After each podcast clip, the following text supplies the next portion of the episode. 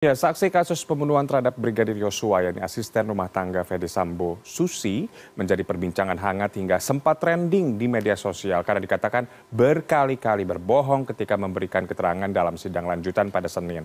Lalu apa yang mendasari keterangan bohong Susi? Apakah ia berada di dalam tekanan dan ancaman atau ada faktor lainnya? Kita akan membahasnya malam ini bersama psikolog forensik Riza Indragiri. Uh, selamat malam, Mas Reza. Salam sehat.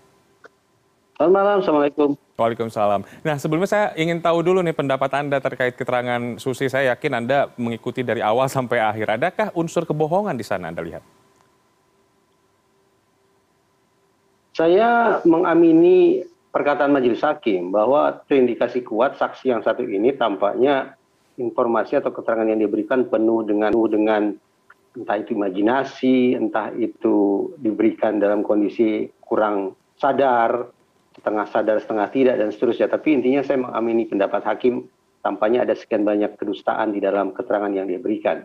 Hmm. Kalau dilihat dari secara uh, kasat mata begitu orang awam melihat sidang kemarin uh, ketika Susi memberikan keterangan apa yang bisa ditangkap dari uh, gesture tubuhnya, pernyataannya ketika ia melakukan kebohongan. Apakah ada yang kentara jelas ketika seseorang sedang berbohong? Saya tidak menguasai bagaimana cara menganalisis gestur, tapi yang saya ketahui bahwa ketika seorang saksi dianggap memberikan keterangan yang penuh dengan kepalsuan atau keterangan yang mengada-ngada, maka kemungkinannya ada tiga. Hmm. Pertama, bahwa keterangan palsu atau keterangan mengada-ngada itu diberikan karena bersangkutan secara sukarela memberikan keterangan palsu itu. Mungkin ada ikatan emosional yang sedemikian kuat dengan terdakwa, rasa cinta, rasa kasih, rasa kasihan itu yang mendorong si saksi kemudian untuk secara sukarela menyampaikan informasi palsu atau informasi mengada-ngada. Kemungkinan yang kedua adalah saksi ini memberikan keterangan palsu atau mengada-ngada karena memang sedang berada di bawah pengaruh tekanan, baik tekanan sifatnya intimidatif, tidak menyenangkan, atau tekanan sifatnya iming-iming, menjanjikan kesenangan. Hmm. Nah, tapi biasanya saksi yang memberikan keterangan palsu yang di bawah tekanan itu akan mencabut keterangannya ketika dia merasa sudah lolos atau lepas dari tekanan tersebut. Hmm. Jadi misalnya ketika dia diperiksa oleh polisi dia memberikan keterangan palsu karena saat itu masih berada dalam penguasaan si terdakwa ini misalnya. Hmm. Tapi karena sekarang dia sudah pindah ke ruang sidang, dia dikuasai oleh majelis hakim, dia terbebas dari pihak yang semula memegang kepalanya, sekarang dia lebih luasa untuk mengatakan bahwa saya mencabut keterangan yang tercantum di dalam BAP. Hmm. Itu tipe kedua. Tipe ketiga adalah keterangan palsu atau mengada-ngada yang diberikan karena yang bersangkutan sudah mengalami kekacauan berpikir yang sedemikian parah. Hmm. Ini bahkan bisa mengarah ke psikopatologi, tetapi saya tidak berpikir bahwa saksi Susi mengalami atau memberikan keterangan palsu dengan kategori yang ketiga ini. Hmm, itu artinya Anda mengamini bahwa Susi uh, melakukan kebohongan dengan dua tipe. Yang pertama secara sukarela dan yang kedua uh, berada di bawah uh, tekanan, begitu? Ya, saya secara spekulatif menduga kalaulah tidak kemungkinan pertama yaitu pemberian keterangan palsu karena adanya ikatan emosional tertentu dengan pihak terdakwa secara sukarela dia berikan keterangan itu atau yang kemungkinan kedua adalah diberikan informasi palsu karena yang bersangkutan di bawah tekanan tetapi sesungguhnya ini bukan persoalan besar dari sudut pandang hukum hmm. karena hukum mengatur entah itu keterangan palsu tipe 1, tipe 2, tipe 3 atau bahkan mungkin ada tipe-tipe lainnya yang jelas saksi yang memberikan keterangan palsu maka dia akan bisa dipidana. Itu saja aturan ya, mainnya. Dengan ancaman eh, tujuh tahun penjara ya, uh, Mas Reza. Nah, uh, yang menarik adalah tadi yang disebutkan bahwa uh, ia berbohong secara sukarela karena ada ikatan uh, psikologis begitu. Nah, Susi ini mengaku bahwa ia baru bekerja selama dua tahun. Apakah itu mungkin sudah bisa membentuk uh, bonding atau ikatan uh, secara psikologis antara Susi dan majikannya secara lebih kuat sehingga ia akhirnya uh, rela untuk berbohong atau uh, memberikan keterangan palsu demi majikannya?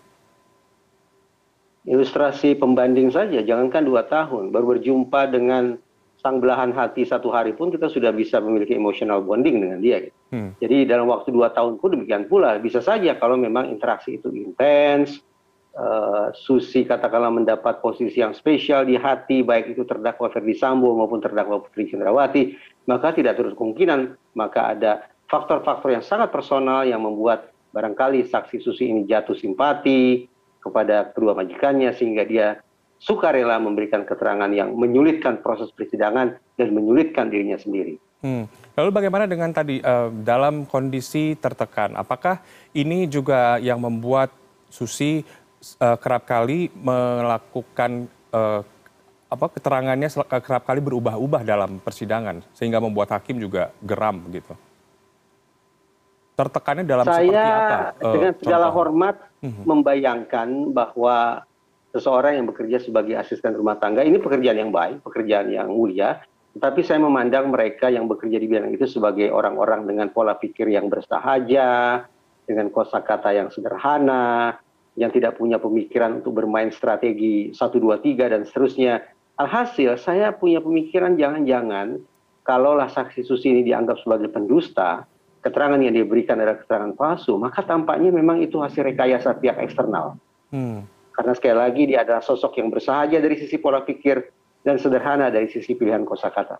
Hmm. Itu artinya suasana ruang sidang, kehadiran majelis hakim, JPU, kemudian kuasa hukum dapat mempengaruhi seseorang ketika bersaksi di dalam persidangan begitu tentu saja harus kita akui bahwa proses hukum termasuk apalagi proses sidang adalah sebuah proses sesungguhnya tidak menyenangkan. Hmm. Orang yang tidak bersalah kemudian berhadapan-hadapan dengan otoritas penegakan hukum saja bisa merasa tidak nyaman. Apalagi kalau kemudian orang tersebut berada di kursi misalnya kursi terdakwa, kursi pesakitan, dia membayangkan ada konsekuensi hukum yang akan bisa dia terima, maka efek stressfulnya juga akan semakin luar biasa. Hmm. Ketika kadar stres atau sebutlah tekanan batin sudah melampaui ambang toleransi, maka pengaruhnya pasti secara psikologis akan kemampuan berpikir jernih akan menyusut, kemampuan artikulasi juga akan berkira, berkurang, tindak tanduk di hadapan majelis hakim tampak mencurigakan, dan seterusnya. Itu akibat dari kemampuan yang bersangkutan dalam mengatasi tekanan tampaknya sudah anjlok sedemikian jauh akibat adanya lingkungan yang penuh dengan stres. Hmm. Apakah akan uh, kondisinya akan berbeda ketika uh, saksi ini di hadirkan terpisah dari terdakwa atau dari saksi-saksi lainnya? Ya, teoritis maka kita bisa katakan bahwa resep agar saksi bisa bertutur kata secara jernih, keterangan yang disampaikan itu berkualitas, berkualitas dalam pengertian lengkap dan akurat, maka semaksimal mungkin hal-hal yang stressful, hal-hal yang bisa membuat dia cemas itu harus bisa dieliminasi. Itu teoritisnya. Tapi sekali lagi, ini konsekuensi yang tak terelakkan dari siap, bagi siapa pun yang sedang berproses hukum. Ini bukan proses yang menyenangkan. Secara alamiah manusia ingin menghindari proses ini. Hmm. Pembelajaran pentingnya, jangan sekali-kali main api. Jangan hmm. sekali-kali kita melakukan perbuatan justru bisa memasukkan kita ke dalam sebuah proses hukum yang tidak menyenangkan itu. Hmm. Tapi berbeda melihat dengan uh, keterangan atau kesaksian para terdakwa lain ketika di dalam sidang begitu. Ketika saksi e, ditanya oleh hakim, ada yang terbata-bata seperti Susi atau memberikan keterangan berbelit-belit. Tetapi berbeda dengan terdakwa seperti Ferdi Sambo dan juga Putri Candrawati yang terlihat tetap dalam kondisi tenang. Anda melihatnya ini seperti apa? Uh, sadar tidak sadar tampaknya di belakang kepala kita punya pemikiran yang sama. Kalaulah saksi Susi ini dianggap sebagai wayang maka dalangnya siapa? Ya pihak yang tanda petik paling berkepentingan dalam proses sidang ini adalah terdakwa Ferdi Sambo dan terdakwa Putri Candrawati. Hmm. Jadi kita sudah ketahui wayangnya siapa dan tinggal lagi dalangnya siapa. Dalangnya ya dua nama yang saya sebut barusan itu. Hmm. Sebagai dalang tentu saja dia punya daya kendali yang kuat. Tidak mungkin dia berada pada posisi dalang kalau kemudian dia tidak bisa menguasai wayang-wayangnya. Jadi uh, common sense saja secara awam bisa kita pahami bahwa orang yang punya kepentingan paling besar tentu akan membangun strategi yang paling matang dan tampak paling meyakinkan pula di hadapan majelis hakim. Hmm. Dalam uh, sisi ilmu psikologis, apakah memungkinkan seseorang yang dalam kondisi tertekan akan tetap berkata secara tenang, jujur, dan memberikan keterangan yang tidak berbelit-belit? Poin bagus. Jadi sesungguhnya kita tidak mutlak bermusuhan dengan tekanan. Hmm. Karena tekanan hingga derajat tertentu justru akan bisa meningkatkan performa atau kinerja kita kecemasan itu hingga ambang batas tertentu akan bisa melecut kita untuk berpenampilan atau berkinerja lebih baik lagi. Tetapi ketika tekanan atau stres itu sudah melewati ambang toleransi, maka yang justru adalah performa akan anjlok. Hmm. Tadi saya uh, sampaikan beberapa contoh performa yang anjlok adalah kemampuan berpikir jernihnya menguap, kemampuan berbicaranya menjadi berkurang, tindak tanduknya menjadi mencurigakan dan seterusnya. Itu karena tekanan ternyata sudah melewati ambang toleransinya. Tapi sekali lagi, hingga derajat tertentu, tekanan itu kita butuhkan untuk memaksimalkan potensi bisa kita keluarkan. Nah, tapi kan uh, kemarin uh, Pak Hakim Wahyu sempat uh, mengatakan bahwa dan mengancam Susi bahkan ketika ia terus melakukan kebohongan di dalam sidang, bukan tidak mungkin dia juga akan duduk sebagai uh, tersangka atau bahkan terdakwa. Apakah ini justru akan menambah tekanan dalam uh, benak Susi sehingga akhirnya ia juga tidak bisa memberikan keterangan yang benar? Di satu sisi perkataan hakim itu sangat benar. Hmm. Itu aturan yang semacam itu tercantum dalam undang-undang. Uh, tapi pada sisi lain, sebagaimana diskusi kita ini, kita hmm. bisa melihat adanya dimensi kemanusiaan, dimensi insani yang sesungguhnya tidak bisa kita tanggalkan dari siapa pun termasuk dari saksi susi. Tetapi saya sebagai orang yang mencoba menekuni psikologi forensik tetap memposisikan psikologi sebagai backup sistem, sebagai sistem pendukung hukum. Hmm. Jadi saya tetap mendahulukan perkataan hakim bahwa terlepas apakah kesaksian atau keterangan Susi itu palsu tipe 1, tipe 2, tipe 3 atau tipe lain, hmm. tapi ketika dia berdusta, dustanya mempersulit proses hukum dan mempersulit dirinya sendiri, maka saya sepakat yang bersangkutan bisa saja suatu saat nanti diposisikan sebagai tersangka. Hmm, tapi dari sisi uh, Anda seorang kacamata seorang psikolog uh, forensik, untuk menguak atau mengungkap, mengulik keterangan hmm. saksi, hmm. apa yang uh, harus dilakukan uh, oleh jaksa penuntut umum? Apakah dengan menekan, dengan uh, uh, tadi Anda sebutkan dengan melihat sisi humanisnya, atau memang terus mencecar sehingga akhirnya uh, ia bisa memberikan keterangan begitu?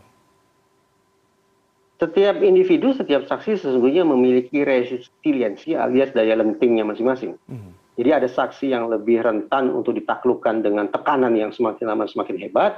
Ada juga saksi yang membutuhkan pendekatan humanis. Ada juga saksi yang membutuhkan kombinasi keduanya dan seterusnya. Tetapi saya ingin meluruskan satu hal. Sejauh ini obrolan kita tampaknya memandang keterangan saksi sebagai suatu hal yang sangat vital. Seolah-olah tanpa keterangan yang valid maka proses hukum akan bisa tumbang, hmm. proses sidang akan bisa bubar. Tetapi uh, saya harus tandaskan bahwa psikologi forensik memang pada dasarnya kadung menganggap bahwa keterangan, informasi yang disampaikan dalam sebuah proses hukum adalah barang yang sangat potensial merusak proses penegakan hukum itu sendiri. Hmm. Karena keterangan atau saksi atau informasi itu sangat mengandalkan daya ingat, dan daya ingat sayang beribu sayang rentan mengalami fragmentasi, dan juga distorsi. Alhasil, psikologi forensik wanti-wanti, betapapun kita tidak bisa mengabaikan keterangan saksi, tetapi sesungguhnya proses hukum yang paling baik adalah proses yang tidak terlalu mengandalkan keterangan saksi. Hmm. Lantas apa yang harus diandalkan? Tak lain yang harus diandalkan adalah pada aspek pembuktiannya, hmm. bukan pada pengakuannya, bukan semata-mata pada keterangannya. Ya, baik. Terima kasih uh, Mas Reza Indragiri sudah berbincang-bincang bersama kami memberikan insight terkait uh, apa namanya keterangan para saksi yang tadi digarisbawahi bahwa proses hukum keterangan saksi penting tapi yang paling penting adalah pembuktiannya. Terima kasih uh, psikolog forensik Reza Indragiri atas waktu Anda. Selamat malam.